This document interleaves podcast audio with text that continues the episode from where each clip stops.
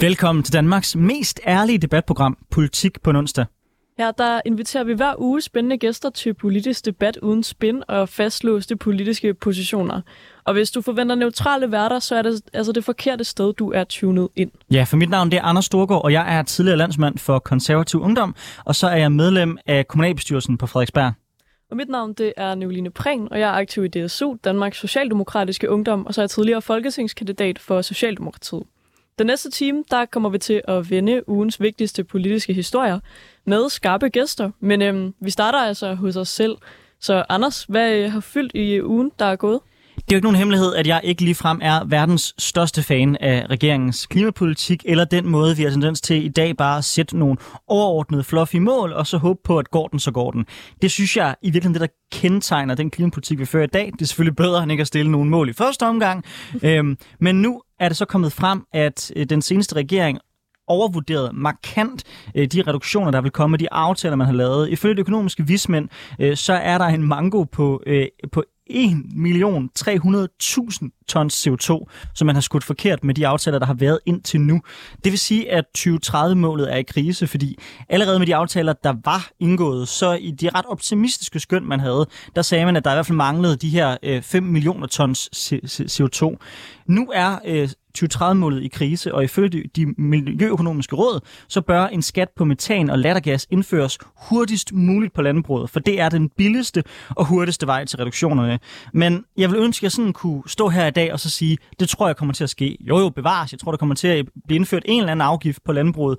Det skal den nye SV-regering nok blive enige om. Men må ikke det bliver med en meget langsom indfasning, med et meget lavt beløb, øh, og med alle mulige finurlige måder at komme ud omkring alle de hårde valg. Det tror jeg desværre af det, som resultatet bliver. Og jeg tror, at når vi kigger tilbage på den tid, vi lever i nu, så vil vi sige, når den her folketingsperiode er færdig, at mange af de mål, vi, vi opsat, var optimistiske. Det synes jeg egentlig ikke, de er. Jeg synes, målene burde være højere. Men det vi bare igen og igen og igen ser, det er, at det sekund, det kræver hård valg. Det sekund, det kræver afsætning af flere penge. Eller man rent faktisk som alt andet politik prioriterer det så melder politikerne i dag bare pas. Jeg håber, jeg tager fejl, men jeg synes, at allerede nu kan vi se tegnene på, at det forholder sig sådan.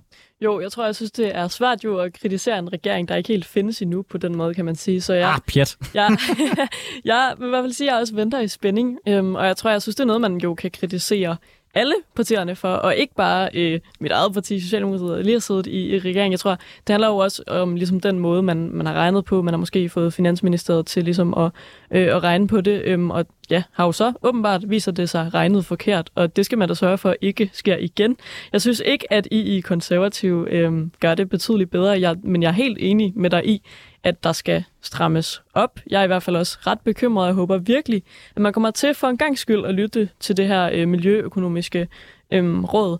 Jeg synes, der er sådan lidt en, øh, en tendens til, at man jo man nedsætter alle mulige øh, altså, råd og skriver rapporter, og øh, de får egentlig også ret meget medieopmærksomhed, men, men de får ikke alligevel politisk indflydelse. Øh, og det er jo bare virkelig ærgerligt, fordi det er jo fakta, at vi bliver nødt til at, at gøre noget, og, og hvis vi gør det nu, så øh, kan vi altså ja, nå meget mere, end hvis vi venter. Jeg tror, fast lytter af det her program vil vide, at jeg på ingen måde er bleg for at kritisere mit eget parti, så det skal jeg også gerne gøre her. Altså for mig at se, så er det hele Folketinget, der har øh, handlet forkert, og som ikke har taget det her seriøst nok. Altså Klimarådet, bare for at komme med et godt eksempel, har jo i mange år sagt, at vi skal have en CO2-afgift på alle sektorer, uanset om det er landbrug, om det er industri, eller om det er Aalborg Portland i øvrigt, øh, på 1.500 kroner per ton. Ja. Vi endte så med en afgift på 750 kun på industrien, og med alle mulige parenteser og undskyldninger. Og må ikke øh, det bliver den samme historie med landbruget. Så jo, det er jo i virkeligheden noget, som næsten hele det danske folketing står ansvarlig for.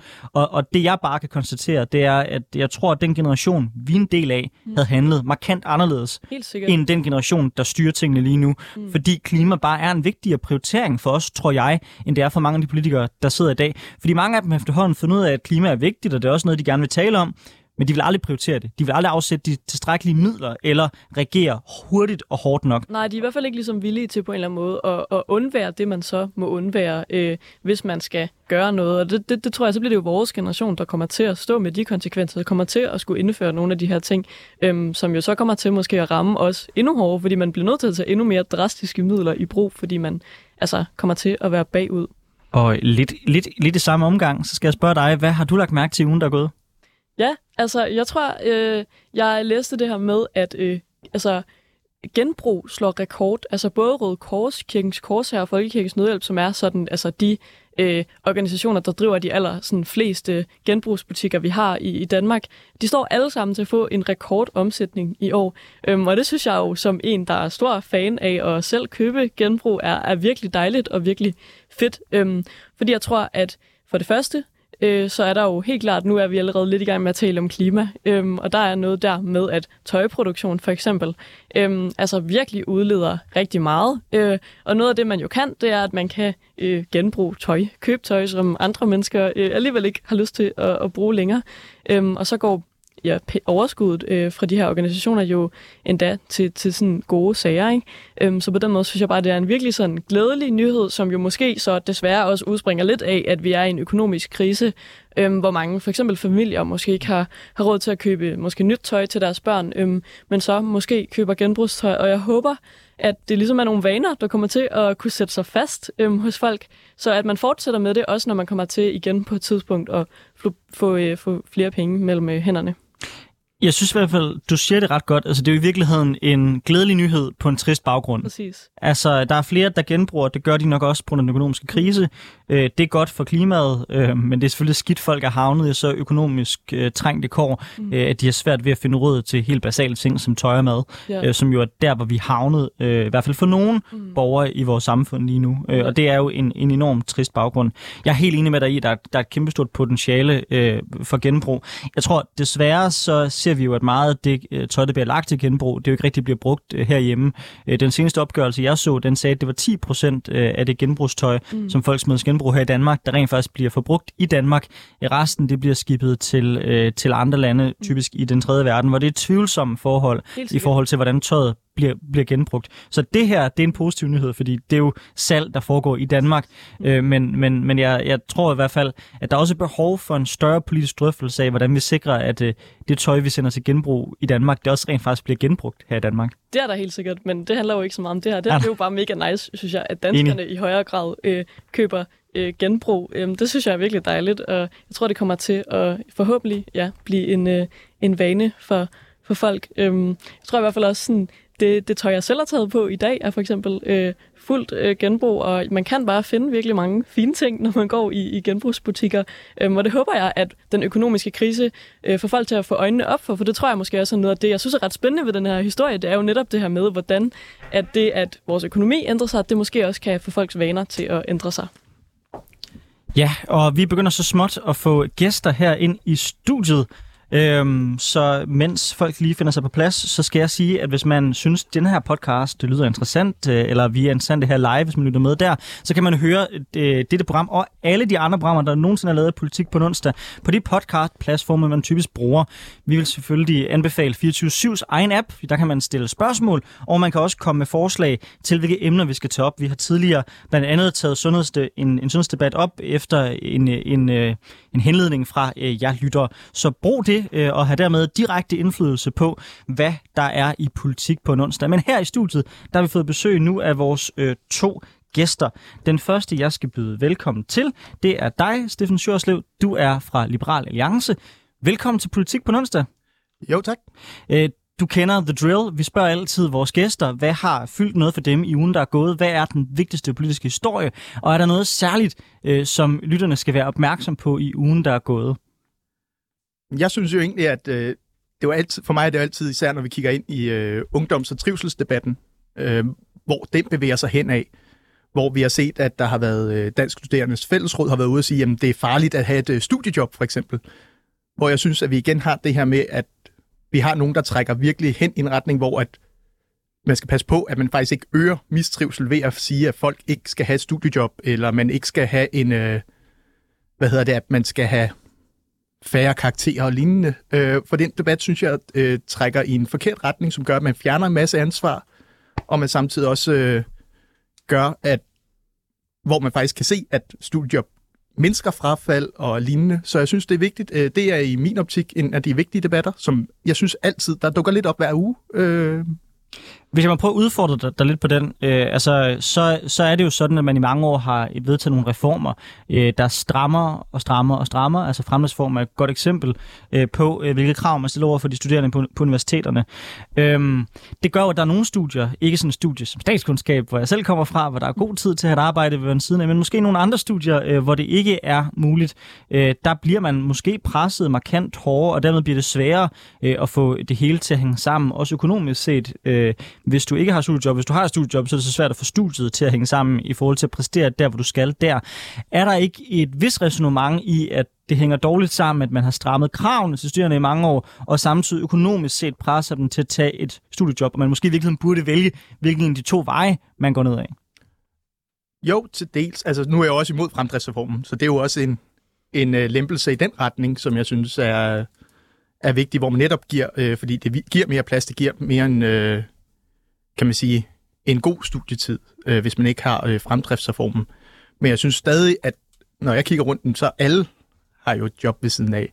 At man så skal betale så meget skat, at man ikke har råd til at bo i København, det er selvfølgelig ærgerligt. Men jeg synes, det er vigtigt, at når vi kigger ind i det her med at have et studiejob, så er det ofte også et sted, hvor man udvikler sin faglighed på en mere praktisk plan.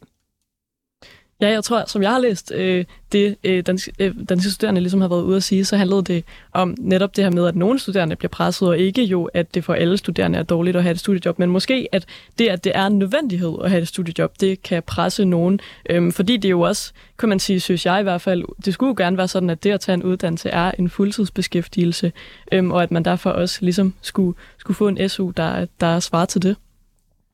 Det synes jeg er en forkert tilgang, fordi vi har netop også et eksempel, øh, jeg mener, den var i alle tinget, med en, som netop sagde, at han levede på sin SU, øh, knoklede gennem skolen, fik gode karakterer på jurastudiet. Han stod så bagefter ikke kunne få et job, fordi han havde ingen erhvervserfaring. Så det er også en måde at bygge sin karriere, det er at få den her anvendte, praktiske tilgang til tingene. Så jeg tror, et studiejob, ja, det er både godt for din uddannelse, godt for din karriere, men også godt for at se, hvad du reelt kan bruge din uddannelse til på sigt. Ja. Så jeg tror, der er, i hvert fald en helt klart en spændende debat. Øhm, jeg synes også, vi skal sige uh, velkommen til dig. Er det Jesper Havsgaard? Jeg... Havsgaard. Havsgaard. Jesper Havsgaard. Du er folketingskandidat og organisatorisk næstformand i Kristendemokraterne. Og så er du faktisk også lige nu uh, fungerende landsformand jeg ved ikke, om man kan sige tillykke med det, øhm, men i hvert fald øh, velkommen. Øhm, tak skal du have. Hvad, øh, hvad, er der en eller anden øh, sådan nyhed eller noget, der, der har fyldt for dig, som du har lagt specielt mærke til den sidste uge? Ja, altså man kan sige, når jeg ikke bærer alle de hatte, som jeg gør i kristendemokraterne, og det er der øvrigt også rigtig mange andre gode mennesker, der gør for at få et lille parti til at fungere stort alligevel, Jamen, så, er jeg, så har jeg gennem de sidste 15 år, der har jeg været butikschef, uddeler, øh, købmand i, øh, i dansk dagligvarerhandel. Øh, så, så, hvad det hedder, så hele den her problematik omkring fødevarepriserne, som vi kigger ind i lige nu, det fylder også rigtig, rigtig meget for mig. Så jeg glædes jo over, at øh, uh, Detailwatch uh, øh, her for et par dage siden har kunne, kunne meddele, at uh, fødevarepriserne de falder uh, globalt. Uh, fordi vi står jo med nogle kæmpe, kæmpe store udfordringer lige i øjeblikket. Uh, vi lider under stigende priser. Det er jo særligt forbrugerne, der kommer til at lide under det, men det gør detailhandlen også i den grad. Øh, faktuelt så er priserne steget med cirka 16 procent øh, i forhold til for et år siden. Øh, og når vi så kigger ind i det fra detaljsiden af, jamen, så kan vi faktisk se, at øh, selvom priserne de stiger voldsomt, jamen, så falder omsætningen også tilsvarende øh, op imod 10 procent øh, på, på kædeplan fra kæde til kæde i, i dagligvarerhandlen. Og oven i det, så, øh, og det er det, jeg synes, der faktisk er, er, den egentlige problematik, øh, jamen det er faktisk, at vores øh, frugt- og grøntsalg, det falder endnu mere. Og det betyder jo øh, rent faktuelt, at danskerne de køber mindre frugt og grønt, altså færre varer. Så jeg håber jo på, at den her, øh, øh, at det her, den her mekanisme øh, omkring de faldende fødevarepriser globalt, jamen det også begynder at slå igennem øh, i Danmark. Øh, men udover det, jamen så, så appellerer jeg jo også til Folketingets partier om, at man endnu en gang overvejer øh, en differentieret fødevaremoms. Det foreslog vi KD allerede i valgkampen, øh, og havde i vores 2030-plan øh, anvist øh, 5 milliarder kroner til, til at differentiere fødevaremomsen specifikt omkring øh, frugt og grønt, for det er vigtigt, at vi spiser mere frugt og grønt. Tror det er realistisk, at man øh, ser sådan et gennembrud i forhold til, at øh, priserne begynder at falde igen? Fordi man kan jo sige, at der er jo stadigvæk stigende energipriser, og det påvirker vel også detailhandlen, tænker jeg, i forhold til afkøling, i forhold til alle mulige andre ting, der har en, en, en direkte påvirkning på deres, på, deres, på deres business case. Så kan vi ikke frygte, at hvis priserne på energi igen stiger, det er jo ikke usandsynligt, det sker, når vi kigger frem mod den næste vinter, at det så rammer fødevarepriserne igen? Jo, præcis. Og det er netop også derfor, jeg øh, appellerer til, at man også begynder at kigge på nogle andre værktøjer. Fordi at øh, der er kun et sted, øh, regningen den kan betales. Øh, købmændene, øh, brugsforeningerne osv., osv., jamen de er enormt presset i øjeblikket. Øh, og jeg hører tal fra Dagrofa, hvor man forventer op mod øh, 10-20 butikker, det lukker allerede i år. Øh, det er det samme, man hører fra Coop af. Øh, Selling Group er jo en case for sig selv. De har en mm. meget, meget øh, velpåstået øh, øh, bankbog. Men, men øh, den øvrige danske detailhandel, mange af de butikker, der får for Danmark til at hænge sammen, jamen de er bare enormt, enormt presset. Og det er forbrugerne i øvrigt også. Et, et, et helt andet spørgsmål, jeg har til dig, det er jo det gode ved det her program, det er, at Nicoline og jeg, vi kan tillade os at også være biased i vores spørgsmål, fordi vi har en ret klar politisk øh, kulør. Jeg er jo socialkonservativ og medlem af det konservative Folkeparti. Øh, er ren nysgerrighed også efter det valg, vi har set senest ja. i forhold til kristendemokraterne. Hvorfor er der stadigvæk behov for kristendemokraterne. Grund til at spørge er, fordi oprindeligt så er jo et udbryderparti af mit parti, som brød ud øh, på grund af modstand mod aborten og pornografien. To sager, jeg synes, jeg fornemmer ikke længere øh, er særlig højt øh, på den kristendemokratiske dag, dag, dagsorden, eller måske den der helt væk. Så hvad mener du i dag adskiller jer eksempelvis fra det konservative Folkeparti? Jamen det er jo, jamen for det første er vi jo ikke konservative, vi er kristendemokrater. Øh, Som i mange lande jo er grundlæggende ja. det samme, ikke? Så, altså, vi har et fælles søsterparti i forhold til CDU, ikke? Ja, ja, men altså, der mener De vi jo, at, at, at CDU er vores øh, søsterparti, og det kan, man jo, det kan man jo diskutere, som man vil. Men altså, kristendemokratisme er jo en, øh, en ideologi fuldstændig på linje med, med konservatisme og liberalisme. Øh, og vi, vi tror på, at der er behov for øh, noget mere... Øh, Øh, jamen altså, øh, at man, der er noget mere fokus på, på, på det nære, på det lokale, øh, på næstekærlighed, øh, og så på at tage de etiske diskussioner. Øh, og det er jo noget af det, KD øh, generelt, øh, kan man sige, det ligger i vores DNA fra Kristelig Folkeparti, øh, som du selv nævner med, med abortdiskussionen og med, øh, med, med, med, med porno. Øh, og der vil jeg jo også gerne betone, at, at vi synes jo ikke, at vi har øh, tabt på den sag. Vi har jo nærmere vundet. Vi har jo, øh, vi har jo fået nogle faste rammer omkring abort. Vi har jo fået nogle meget, meget faste rammer omkring øh, pornografi i Danmark. Øh, is- især når vi snakker øh, børneporno, som var, øh, som var et issue op til langt op i 80'erne, og en kamp, som øh, mere eller mindre kun Kristelig Folkeparti på det tidspunkt kæmpede. Så i dag det, du tænker er jeres funktion, det er at bringe nogle af de her etiske spørgsmål. Nu skal vi senere have i høj grad et etisk spørgsmål op på, på, på, på raderne også, men, men det er det, det, som jeres sådan, hovedpolitiske projekt er i dag, det er at være, hvad kan man sige, den borgerlige etiske stemme. Vi i hvert fald, øh, vi kalder os jo øh, en etisk stemme i det borgerlige Danmark. Det gør vi i hvert fald også, mm. øh, men så taler vi jo også på vegne af rigtig mange af landdistrikterne, og ser, ser, ser det hele menneske og ser hele Danmark. Hvordan, hvis jeg lige må sådan hurtigt spørge, mig, jeg spørger dig, for jeg synes, det er ret spændende, sådan, øhm, det der med, hvorvidt I forbliver ligesom et parti nationalt. Nu har du selv, øh, du er selv folketingskandidat. Øhm, jeres nu vel afgået formand, Marianne Karlsmose, hun øh, var ude og sige, at de ville sådan trække jer nærmest fra den nationale politik og satse i hvert fald på kommunalpolitik og regionalpolitik. Hvad, øh, hvad, hvad tænker du om det? Det var ikke helt det, Marianne sagde. Marianne hun opfordrede til, at man gjorde det. Øh, og, og en øh, hovedbestyrelse øh, trådte jo så sammen øh, efterfølgende øh, og har besluttet, at øh, KD stadigvæk er et øh, landsdækkende parti. Øh, og det betyder jo også, at vi har registreret vores øh, navn og, hos øh, valgnævnet, og egentlig er opstillingsberettet til, til næste folketingsvalg. Vi er ikke gået i gang med at samle... Øh, øh, samle stemmer ind, om man så må sige, endnu, men, men det, det ligger jo selvfølgelig også i pipeline på et eller andet tidspunkt. Jesper Havsgaard, Steffen Sjørslev, velkommen til Politik på onsdag. Nu går vi over til dagens debat.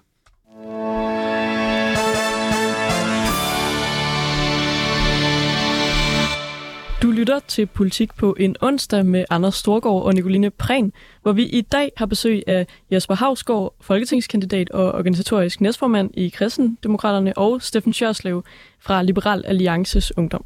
I sidste uge der lancerede DR dokumentaren På tirsdag skal jeg dø, som er endt med at skabe en debat om, hvorvidt at man i Danmark skal indføre aktiv dødshjælp. Ja, for i dokumentaren, der følger man altså 54-årig Preben, som er blevet ramt af en voldsom og tragisk arbejdsulykke. Han er altså blevet øh, lam fra skuldrene og ned. Prebens liv det er forandret for altid, og han har besluttet sig for, at han gerne vil dø. Men problemet det er, at han ikke selv er i stand til at tage sit eget liv, og aktiv dødshjælp er altså ikke lovligt her i Danmark. Og Preben han ender faktisk med at tage til Belgien for at afslutte sit liv ved hjælp af aktiv dødshjælp, som der er lovligt. Men er det uværdigt at skulle bevæge sig udenlands for at få hjælp til at dø på den måde, man har lyst til? Dokumentaren om Preben har i hvert fald vagt liv i debatten om aktiv dødshjælp i Danmark, hvor det fortsat er ulovligt.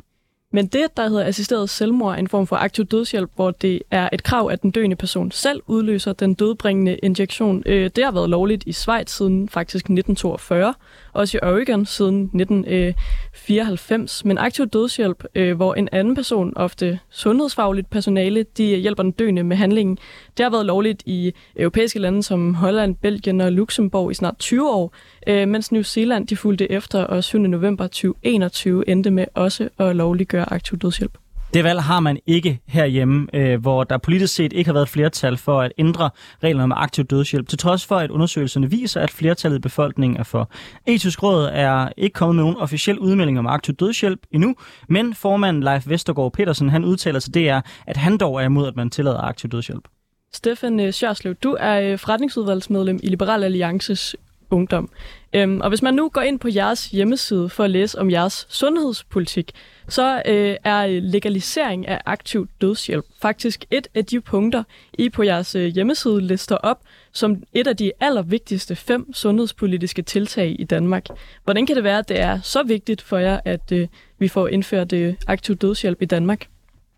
For os er det jo et øh, spørgsmål netop omkring øh, retten til at bestemme over ens egen krop, øh, og i det her tilfælde også øh, ens egen død. Og især når det handler om aktiv dødshjælp, som netop er for folk, som er terminalt syge eller har en, et handicap eller lignende, som gør, at de ikke er i stand til at kan man sige, leve optimalt. Men så synes vi, det er vigtigt, at der er en kamp for, at man netop har retten til os, i det her tilfælde, at få hjælp til at ende sit eget liv, når man netop står i enten terminal sygdom eller lignende. Så derfor synes jeg, det er en vigtig kamp, at vi også tager, fordi det er netop også en kamp, som er fyldt med etiske dilemmaer i den ene og den anden retning. Men hvis der, altså nu, nu kommer den her dokumentar, og så synes jeg netop, det er vigtigt, at vi også slår fast og slår på det, at man har retten til sit eget liv og sin egen krop, også når det griller døden. Jesper jeg vil gerne øh, sende den over til dig. Øh, man ser her et eksempel på en mand, der ja, måske ikke fysisk lider, men så i hvert fald psykisk lider i forhold til, at han, han føler sig umyndiggjort, han føler ikke, at hans liv det er værd at leve, og han er villig til at gå endda meget, meget langt for at afslutte hans liv. Hvad var dine tanker, øh, da du så dokumentaren, hvis du har set den?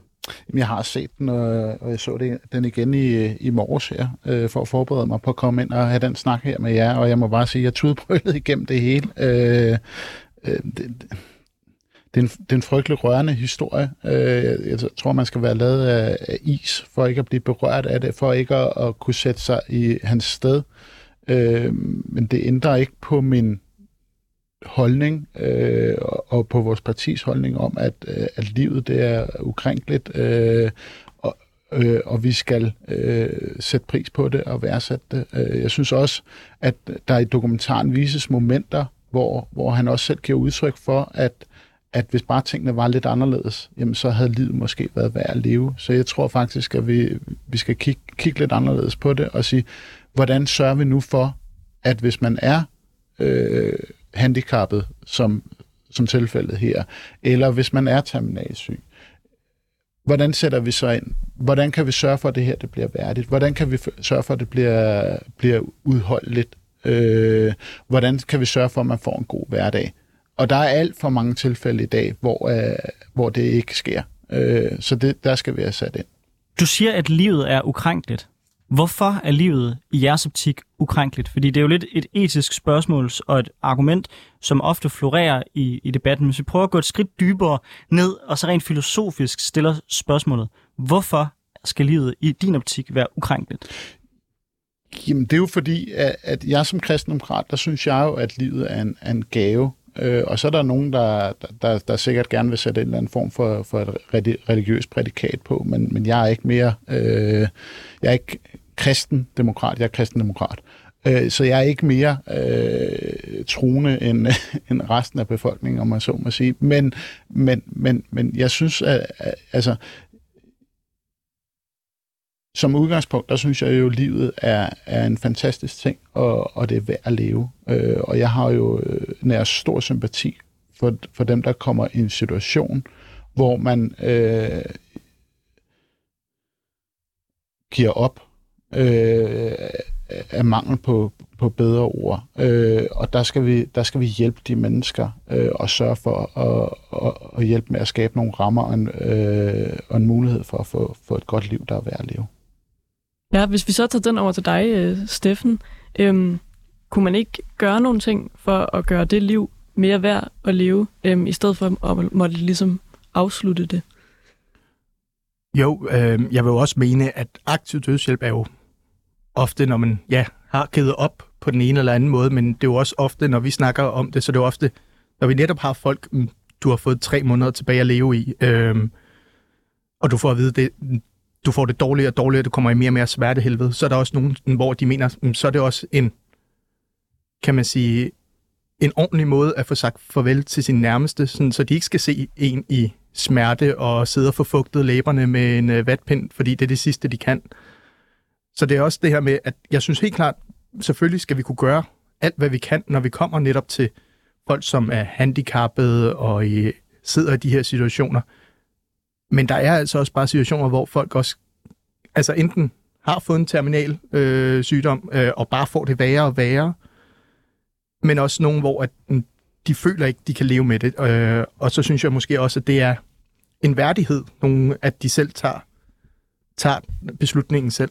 Steffen, når, når jeg hører din argumentation, og når jeg ofte hører Liberale Alliance tale om det her, så bliver der lagt meget tryk på hele budskabet om frihed. Frihed til selv at vælge, øh, hvornår man skal afslutte livet. Jeg er selv ret meget i tvivl om, hvor jeg står i den debat. Jeg tror, jeg hælder til et nej, øh, men, er, men er ikke sådan afklaret om, hvor jeg selv står. Men noget, jeg gerne vil stille spørgsmålstegn ved, det er, hvor frit man overhovedet kan tale om et valg i de her situationer. Altså hvis du lider enormt meget, øh, du, øh, du er presset af, af smerter, hvor rationel en aktør er du så? Hvor meget kan du tage et valg selv? Hvis du er, hvis du er larm, og du er presset, hvor rationel er du så i bund og grund? Og hvis du er øh, lidende på en måde, hvor du måske føler, at du lægger andre til last. Din familie bliver presset over, at du er lam og ikke kan gøre noget. Hvor, hvor fri og rationel er du så til at tage de her valg? Er du ikke bekymret for, at man lægger noget over på skuldrene af et individ, som individet måske faktisk ikke er i tilstand til at kunne tage valget om? Det er jo igen det. Det er jo en, en spændende diskussion, som netop indeholder rigtig mange dilemmaer. Øhm, her blandt netop den her med, er der nogen, der risikerer at føle sig presset til at vælge aktiv dødshjælp? Men det synes jeg ikke skal forhindre, at andre skal have mulighed, som det er i dag. Øhm, jeg synes godt, man kan lave nogle relativt klare rammer, øhm, som netop indeholder terminal syge, eller folk, der progressivt ved, de får det værre. Mm.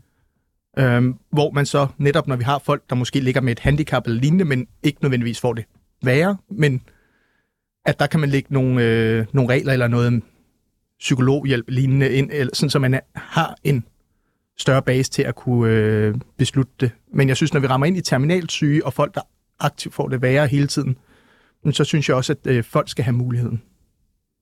Jamen altså for det første vil jeg jo sige, i det her tilfælde, vi har, har at gøre med her, med, med, med dokumentaren, der har vi jo ikke der er, vi jo ikke, der er der jo ikke tale om en, en mand, der er terminalsyg. Vi er jo ikke tale om en mand, der bliver, bliver, øh, får det værre. Han har det, så, øh, vil anerkende, han har det jo så skidt, som man næsten kan have det, øh, og det er frygteligt i sig selv. Øh, øh, og så, så vil jeg gerne angribe øh, hele den her præmis om, hvordan vi som politikere i talsætter tingene. Fordi vi har kæmpe, kæmpe, kæmpe stort ansvar øh, for, hvordan vi, øh, vi, vi talsætter det. Og hvem er vi til at afgøre, hvad der er værdigt, hvad der er et værdigt liv at, at leve? Der er masser øh, af andre mennesker, der, der har lignende handicap, øh, som har et godt liv. Vi møder endda en i, i dokumentaren, øh, som siger, at han, er, han nyder livet, han elsker at gå ud og spise og tage biografen og tage teater, øh, og, og det synes jeg, der er enormt livsbekræftende. Det er, øh, det, er, det, jeg, det jeg ser, øh, når jeg sådan mærker efter, øh, når jeg ser dokumentaren, så ser jeg jo en, en mand, der er i, i sit livs krise. Øh, og, og måske endda føler, at han er til belastning for, for, for sin omverden, og, og, og måske endda for, for samfundet. Øh, og det, det er jo øh, samfundets opgave øh, at træde til der, øh, synes jeg, en af samfundet, altså som kristendemokrat, der synes jeg, det er jo en af samfundets allerfremmeste opgaver. Det er jo netop at, at sørge for, at vi tager altså, dem, der har allermest brug for det. Og i den situation, der har man i den grad brug for, for hjælp, støtte, omsorg og kærlighed.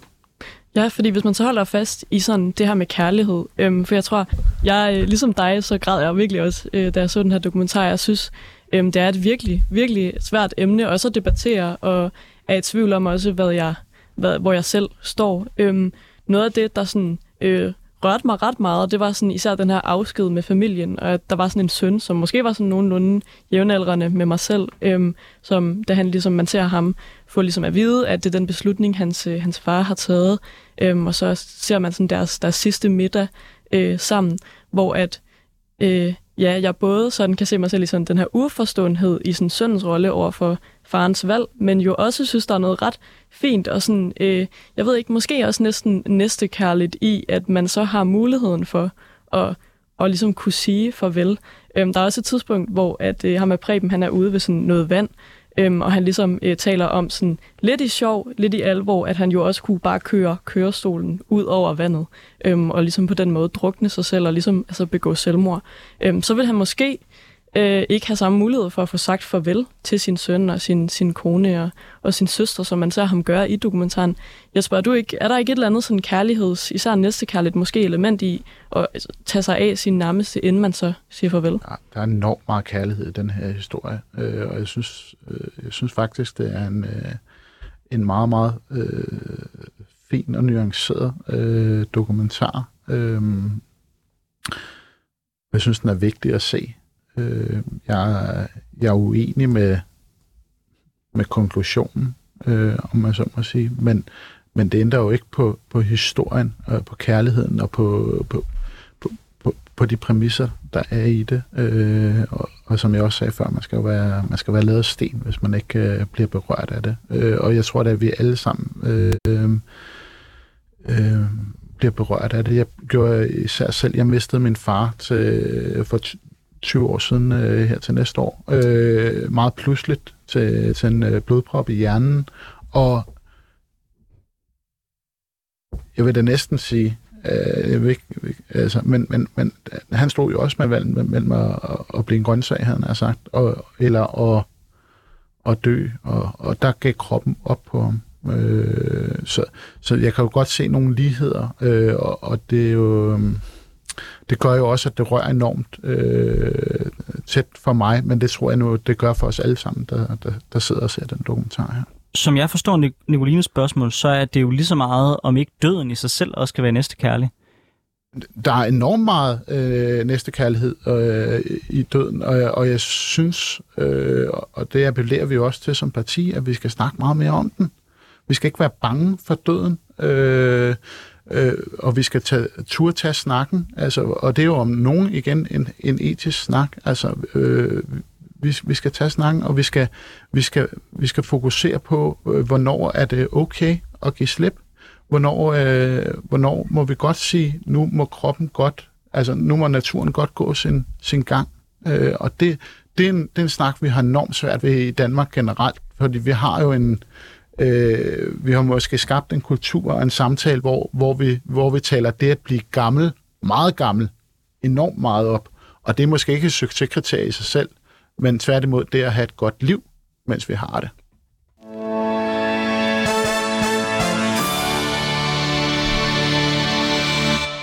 Du lytter til Politik på onsdag med Nicoline Prehn og Anders Storgård, hvor vi i dag har besøg af Steffen Sjørslev, der er medlem af forretningsudvalget i Liberal Alliance Ungdom, og Jesper Havsgaard, der er organisatorisk næstformand i Kristendemokraterne og fungerende formand. Ja, og vi er allerede godt i gang med en debat. Jeg vil næsten sige det faktisk mere en samtale. Jeg mm. synes, fordi det er så måske svært og alvorligt et emne, så tager vi den sådan lidt mere stille og roligt, og det synes jeg i hvert fald, der virkelig er noget øh, ret over, men om øh, hvorvidt vi skal indføre aktiv dødshjælp i Danmark. Det er dokumentaren på tirsdag skal jeg dø om Preben, der ønsker at dø, har sat gang i debatten om aktiv dødshjælp. Dokumentaren er blevet rost af mange for at sætte fokus på et svært og et vigtigt emne, men har også mødt kritik fra flere sider. Blandt andet kritiserer formand for etisk råd, altså Danmarks Radio, og kalder dokumentaren for en kampagne for aktiv dødshjælp. Og i politikken kunne man den anden dag læse et debatindlæg af forfatter og medlem af Muskelsvindsfondens repræsentantskab, Ditte Guldbrand, som beskriver, hvordan hun og andre kritikere af aktiv dødshjælp angiveligt er blevet klippet ud af dokumentaren. Ditte Guldbrand mener også, at der ses ned på personer med handicap, hvis man mener, det er uværdigt for Preben at leve, fordi han er lam. Øhm, hun mener jo, at der er mange mennesker, der lever øh, hele deres liv med handicap, som eksempelvis lammelse. Men hvilke kriterier skal der være for aktiv dødshjælp? Skal der være en aldersgrænse? Kan det bruges, hvis man er hårdt ramt af både fysisk og psykisk sygdom?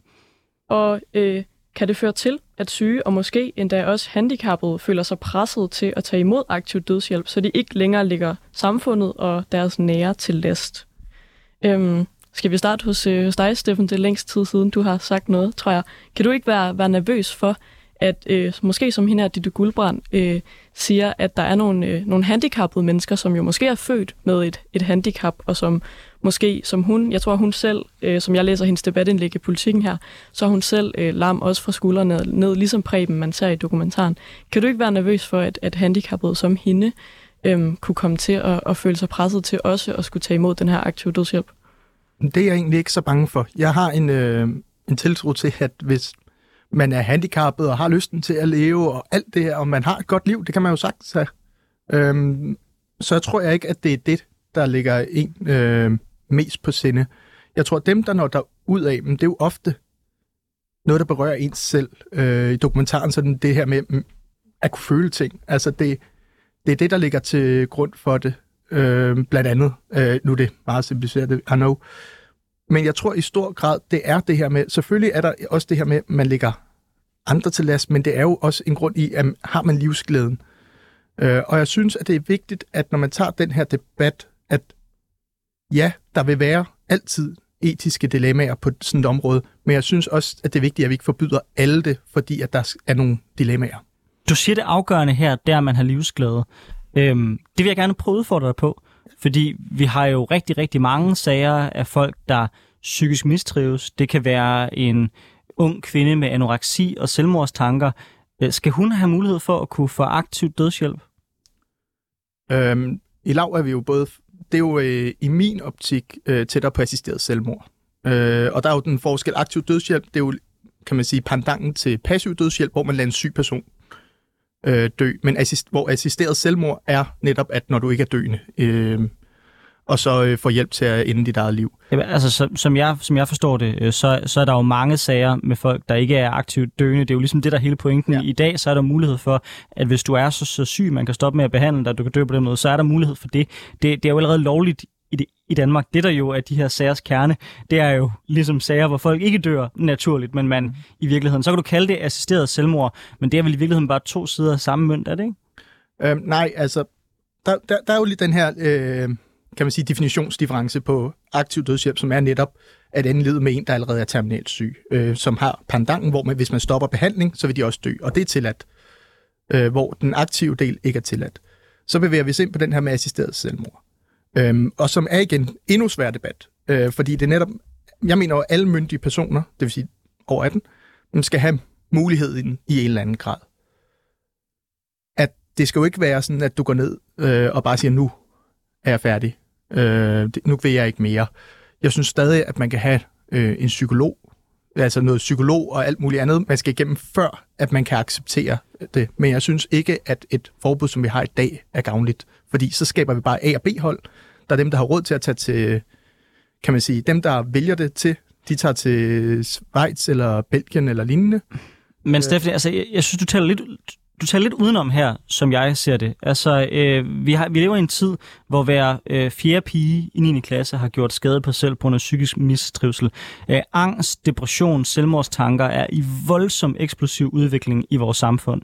Hvis man tager dit argument om, at folk skal frit kunne vælge, hvorvidt de vil leve eller dø, og at det afgørende det er folks livsglæde, så må det vel også være sådan, at det sekund, de her unge mennesker rammer 18, hvis de ønsker at dø, og de ønsker det længe nok, øh, og vedholdende nok, så skal de have lov til det. Vel ud fra din argumentation? I, I min optik, ja, men med forbehold. Øh, for du har netop det her med, jeg synes stadig, at folk skal igennem noget psykolog og lignende. Altså, når vi kigger ud på det, selvfølgelig er der mange der er en trivselskrise, der er mange, der er presset, der er mange, der har øh, selvmordstanker og lignende, men det betyder jo ikke, at vi skal ud og rulle det her ud og bare sige, at alle skal, skal have lov. Der skal jo netop være kriterier. Der skal være, vi kan ikke, der skal være, kan man sige, en eller anden form for kontrol med det. Især når vi rammer ned i folk, der er meget unge og har lange liv tilbage. Jeg synes jo, det er en etisk glidebane. Altså, hvordan skal vi definere? Øh, altså, øh, jeg sad og tænkte over det i går, og havde en, øh, en snak med en kollega om det. Altså, hvis vi bare snakker med sygdom, er det 50% lammelse, er det 80% lammelse? Er det, øh, altså, er det, når du er terminalsyg, eller når du er lidt syg? Er det, når du er øh, når du har en depression? Er, er det, øh, altså, øh, hvor ked af det skal du være? Hvordan kan vi, øh, hvordan kan vi måle det? Øh, altså, øh, vi har jo alle sammen haft livskriser. Vi har jo alle sammen haft tidspunkter, hvor vi, hvor vi har sagt, måske ikke, jeg ikke ønsker at leve, men det er næsten ikke til at bære og, og skulle fortsætte. Men, men, men det gør vi jo øh, for langt de fleste af os, heldigvis. Jeg vil også gerne påpege det. Altså, det er svært at få nogle, øh, nogle nye øh, aktuelle tal, men øh, hvad det hedder Nationalcenter for Etik øh, har blandt andet øh, fremlagt en, øh, det er godt nok en lidt ældre artikel, men jeg tænker ikke, det har accelereret voldsomt, hvor de fra 98 til 2016 har målt, og der er fire mennesker, der har fået, fået foretaget øh, øh, aktiv, død, øh, aktiv dødshjælp i, øh, i Schweiz øh, på det tidspunkt, og ingen i Holland. Øh, så jeg synes, altså, jeg synes med rette godt, man kan, kan argumentere for, at, at kræfterne øh, måske skulle fokuseres på at, at sørge for, at øh, vi som samfund bakker op om at få skabt et, et, et godt liv for de mennesker, der, der rammer den her livskrise, øh, som det med altid er. Okay, så du er ikke, du er ikke nervøs for, som, som Steffen siger, det her med, at det kan skabe et eller andet A- og B-hold, hvor dem, der så har råd til det, som, som Preben for eksempel, får mulighed for at, at tage til Belgien, fordi der er også et eller andet... Nej, jeg er da mere bange for, at vi får skabt et A- og et B-hold med den retorik, vi har omkring, øh, at, at øh, det kan være ubærligt at, at leve et liv i, i rullestol. Jeg kender, jeg kender flere, der, der, der, der, der, der, der er lammet og sidder i rullestol og lever et fint liv og studerer og øh, for, for rigtig meget ud af livet. Øh, må, måske da endnu, endnu mere, end, øh, end jeg gør personligt. Øh, det, men, men hvem skal dømme det? Mm, ja, det er jo igen, altså jeg synes jo netop, det skal være op til den individuelle. Altså alle er forskellige. Nogle, øh, især man kan sige folk, der måske har været øh, førlige, øh, og så bliver øh, handicappet eller arbejdsulykke som eksempel. Øh, der er det bare måske forskelligt for nogen. Øh, og jeg synes ikke, at man skal udelukke den mulighed 100%. Og så kan det godt være, at der kun er taget nogle enkelte til Belgien og lignende i de sidste 10 år, men samtidig har du en læge, der er blevet dømt for at hjælpe folk øh, med at ende deres eget liv. Så der er jo også, kan man sige, en form for, ikke et sort marked, men et, øh, et skjult øh, skyggetal, skal vi bruge det ord, inden for det her område, hvor at de kunne måske have haft en bedre afgang, hvis de havde været mulighed, fordi det er muligt, øh, eller det har i hvert fald været muligt for nogen alligevel. Så jeg synes, det er, at hvis man, jeg siger jo igen, det skal være noget, hvor man har været igennem en masse psykologtimer og lignende, og for at være sikker, og især hvis vi rammer ned i folk, der er meget unge, altså der vil jeg jo mene, at der skal man være endnu mere opmærksom. Øh, men det er et, øh, en tilgang, som jeg netop synes, at vi kan ikke forbyde det for alle, og i stedet for risikerer vi også, at der kommer de her øh, andre sager, som også er, kan man sige, skræmmende på sin måde. Jeg kører bare igen på argumentet, der hedder, at der er nogen, der bryder loven, lav den om.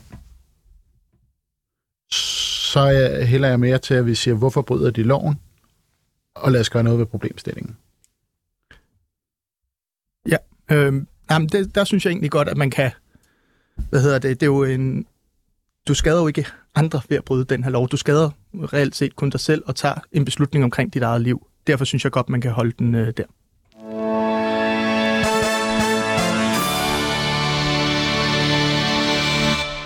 I debatten om aktiv dødshjælp, der bliver der udtrykt bekymring for, om legaliseringen af den aktive dødshjælp i Danmark, det kan ende med at føre til en forringelse af den palliative indsats. Altså den behandling, der fokuserer på at lindre smerter og forbedre livskvaliteten hos en døende person. Nogle de udtrykker bekymring for, om man i stedet for den palliative indsats øhm, som for eksempel hospice, øh, vil se det som en tidsbesparende og økonomisk god løsning blot at hjælpe folk til at dø ved aktiv dødshjælp. Men hvis vi så ikke skal lovliggøre aktiv dødshjælp i Danmark, hvad skal så stå i stedet for? Jesper Havsgaard, du er organisatorisk næstformand i Kristendemokraterne, og på jeres hjemmeside, der skriver I, i stedet for aktiv dødshjælp skal der fokuseres på aktiv livshjælp i alle livets faser, således at alle i enhver situation kan få mest mulig livskvalitet. Hvad mener I med aktiv livshjælp?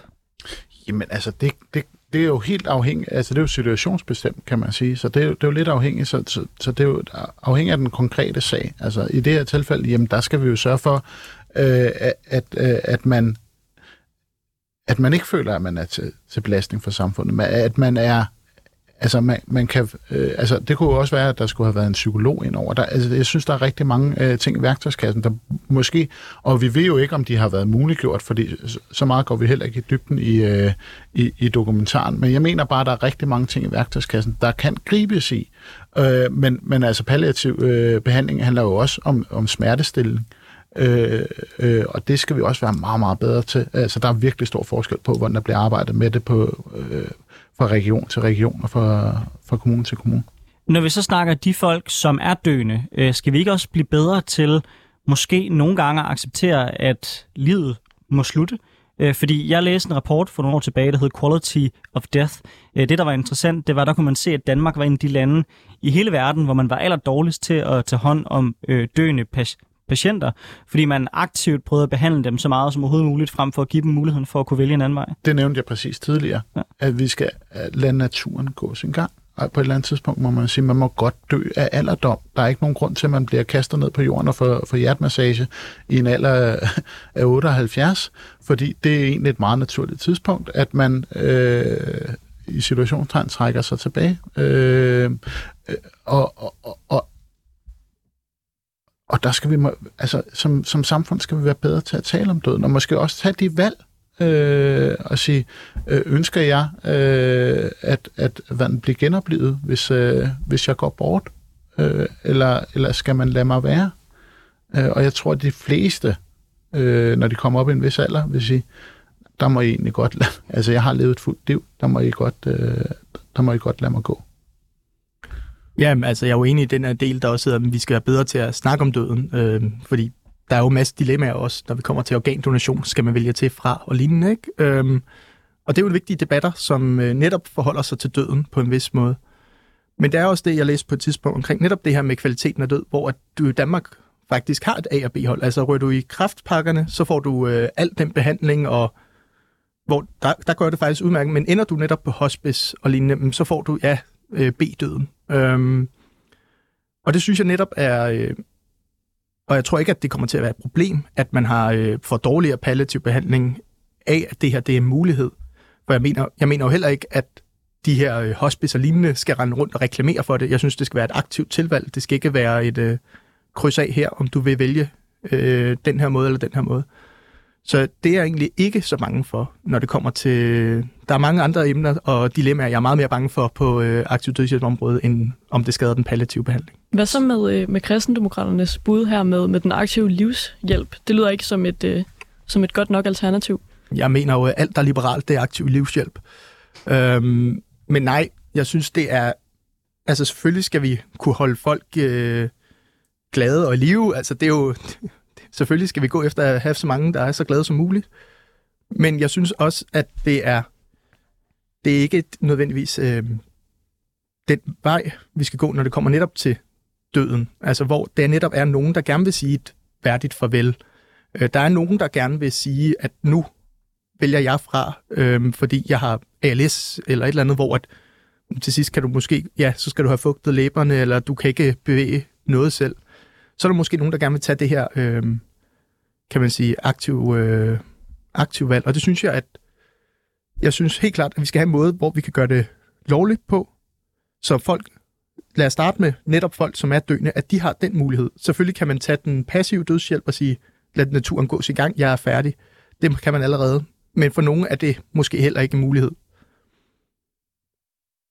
Ja, hvad, hvad, hvad tænker du, Jesper, om, om det, Steffen siger her? Altså, jeg tænker, det rykker jo ikke... Øh... Jeg forstår godt, hvor Steffen kommer fra. Øh, og der må vi jo også sige, der står vi jo sådan fundamentalt øh, på to forskellige platforme. Øh, Du er ikke øh, inde i, at alt, der er, er, er liberalt, er, er god livs... øh, nej, nej, det er jeg ikke, og selvom jeg selv har, har kaldt mig liberal i, i mange år, øh, men, men baggrund i, i, i søsterparti til, til Steffen, så, så, så, så mener jeg også bare, at, øh, at, at at, at fordi at man har et frit valg, så er det jo ikke altid nødvendigvis et godt valg. Øh, og, og, og jeg mener ikke, at vi skal, vi skal påtvinge øh, vores medmennesker øh, øh, en, øh, altså en situation, hvor man skal træffe et sådan valg. Altså vi skal, vi skal tværtimod gøre alt, alt, alt vi overhovedet kan for, at, det, at man ikke er i en situation, hvor man øh, føler, at det er nødvendigt, at man træffer det valg. Ja, for der er faktisk også noget, jeg har tænkt på, Steffen, sådan helt konkret. Hvem skal så stå for det? For sådan noget sygeplejeetisk råd, for eksempel, har jeg set være ude i, i medierne og, og være kritiske over for at skulle have aktiv dødshjælp i Danmark. Øhm, altså skal det være læger eller sygeplejersker? Hvordan, øh, hvem, hvem skal stå for det? Øhm, I lav har vi jo også den holdning, at man skal ikke tvinge nogen til det. Øhm, hvis en sygeplejerske eller en læge, eller hvem der nu skal administrere, jeg er ikke lægefaglig, så det vælger jeg simpelthen lige at holde mig ude fra, hvem af dem, der skal gøre det. Men jeg synes heller ikke, at man skal kunne tvinge, fordi det netop er så stort et etisk dilemma, så jeg mener ikke, at man skal kunne tvinge en, en læge eller en sygeplejerske til det. Øh, og det synes jeg også er vigtigt, altså at hvis der er nogen, der netop har, altså vi skal ikke indføre noget, hvor vi så gør, rigtig mange har en dårlig oplevelse med det, også dem, der skal udføre det. Det, ja, det vil aldrig være målet. Så det synes jeg, at det er, det er vigtigt, at det netop bliver en frivillig ordning for alle parter. Jesper, jeg tror, det sidste spørgsmål, jeg vil stille til dig i den her debat, ja. det er, nu har vi været rundt omkring både nogle dilemmaer, øh, der ligger i det her spørg- spørgsmål. Vi har også set på nogle af de alternative veje, man kan kigge ned af. Men, men sådan på et helt sådan grundlæggende menneskeligt plan, er det ikke umyndiggørende, når man er i en situation, som Preben er, at man måske det allervigtigste valg, der er i ens liv, valget mellem, hvorvidt man ønsker at fortsætte med at leve, at det er ude af ens hænder. Hvis han havde sin følelighed, kunne han jo begå selvmord selv, men fordi han ikke har førligheden over egen krop, så er han fuldstændig umyndig til at kunne tage det valg, som han måske i virkeligheden gerne vil tage, nemlig det at begå selvmord. Er det ikke umyndiggørende, at folk ikke har det valg i dag? Nej, det synes jeg ikke. Det er jo ikke... Det er jo ikke... øh, Det, det, det er jo ikke... Øh, øh det er jo ikke lovligt i situationstegn at, at begå selvmord. Øh, Du kommer heller ikke i fængsel for det, Nej, kan man sige. og, ikke? og jeg skulle lige til at sige, og hvad er straffen så for det? Øh, men, men, men jeg synes, at, jeg synes, at det er mere umyndiggjort, at, at han er i en situation, hvor han føler, at det er nødvendigt. Øh, al- altså, man kommer i den situation, at vi som samfund tillader nogle af vores medborgere øh, at, at være i en situation, hvor de føler, at eneste mulige udvej, det er at gøre en ende på det hele. Det synes jeg er... Men Jesper, i, i, i, proble- i alle samfund, i alle tider, i alle situationer, har der jo altid været nogen, der ikke har ønsket at leve livet. Det, det, det eksisterer i alle Ja. ja. kulturer, så det er, Ja. ja. er det ikke lidt utopisk, Men- Men... så tror du kommer til det punkt, hvor, at, hvor der er ingen, der har den, den følelse, at de hellere jo, gerne vil jo, dø. det er ut- utopisk, og du må gerne kalde mig naiv, og det tager jeg som kompliment, øh, fordi jeg tror, jeg tror faktisk, at, at, at, øh, at vi kommer længst øh, i dansk politik, hvis vi, øh, vi er bedre til at holde på vores øh, utopier øh, og, og kommer med lidt politisk naivitet en gang imellem. Steffen Sjørslev, øh, Jesper Havsgaard, tusind tak, fordi du er med i Politik på onsdag. Synes man, det her var en sand, kan man høre denne podcast og andre på de podcast-platforme, man typisk bruger.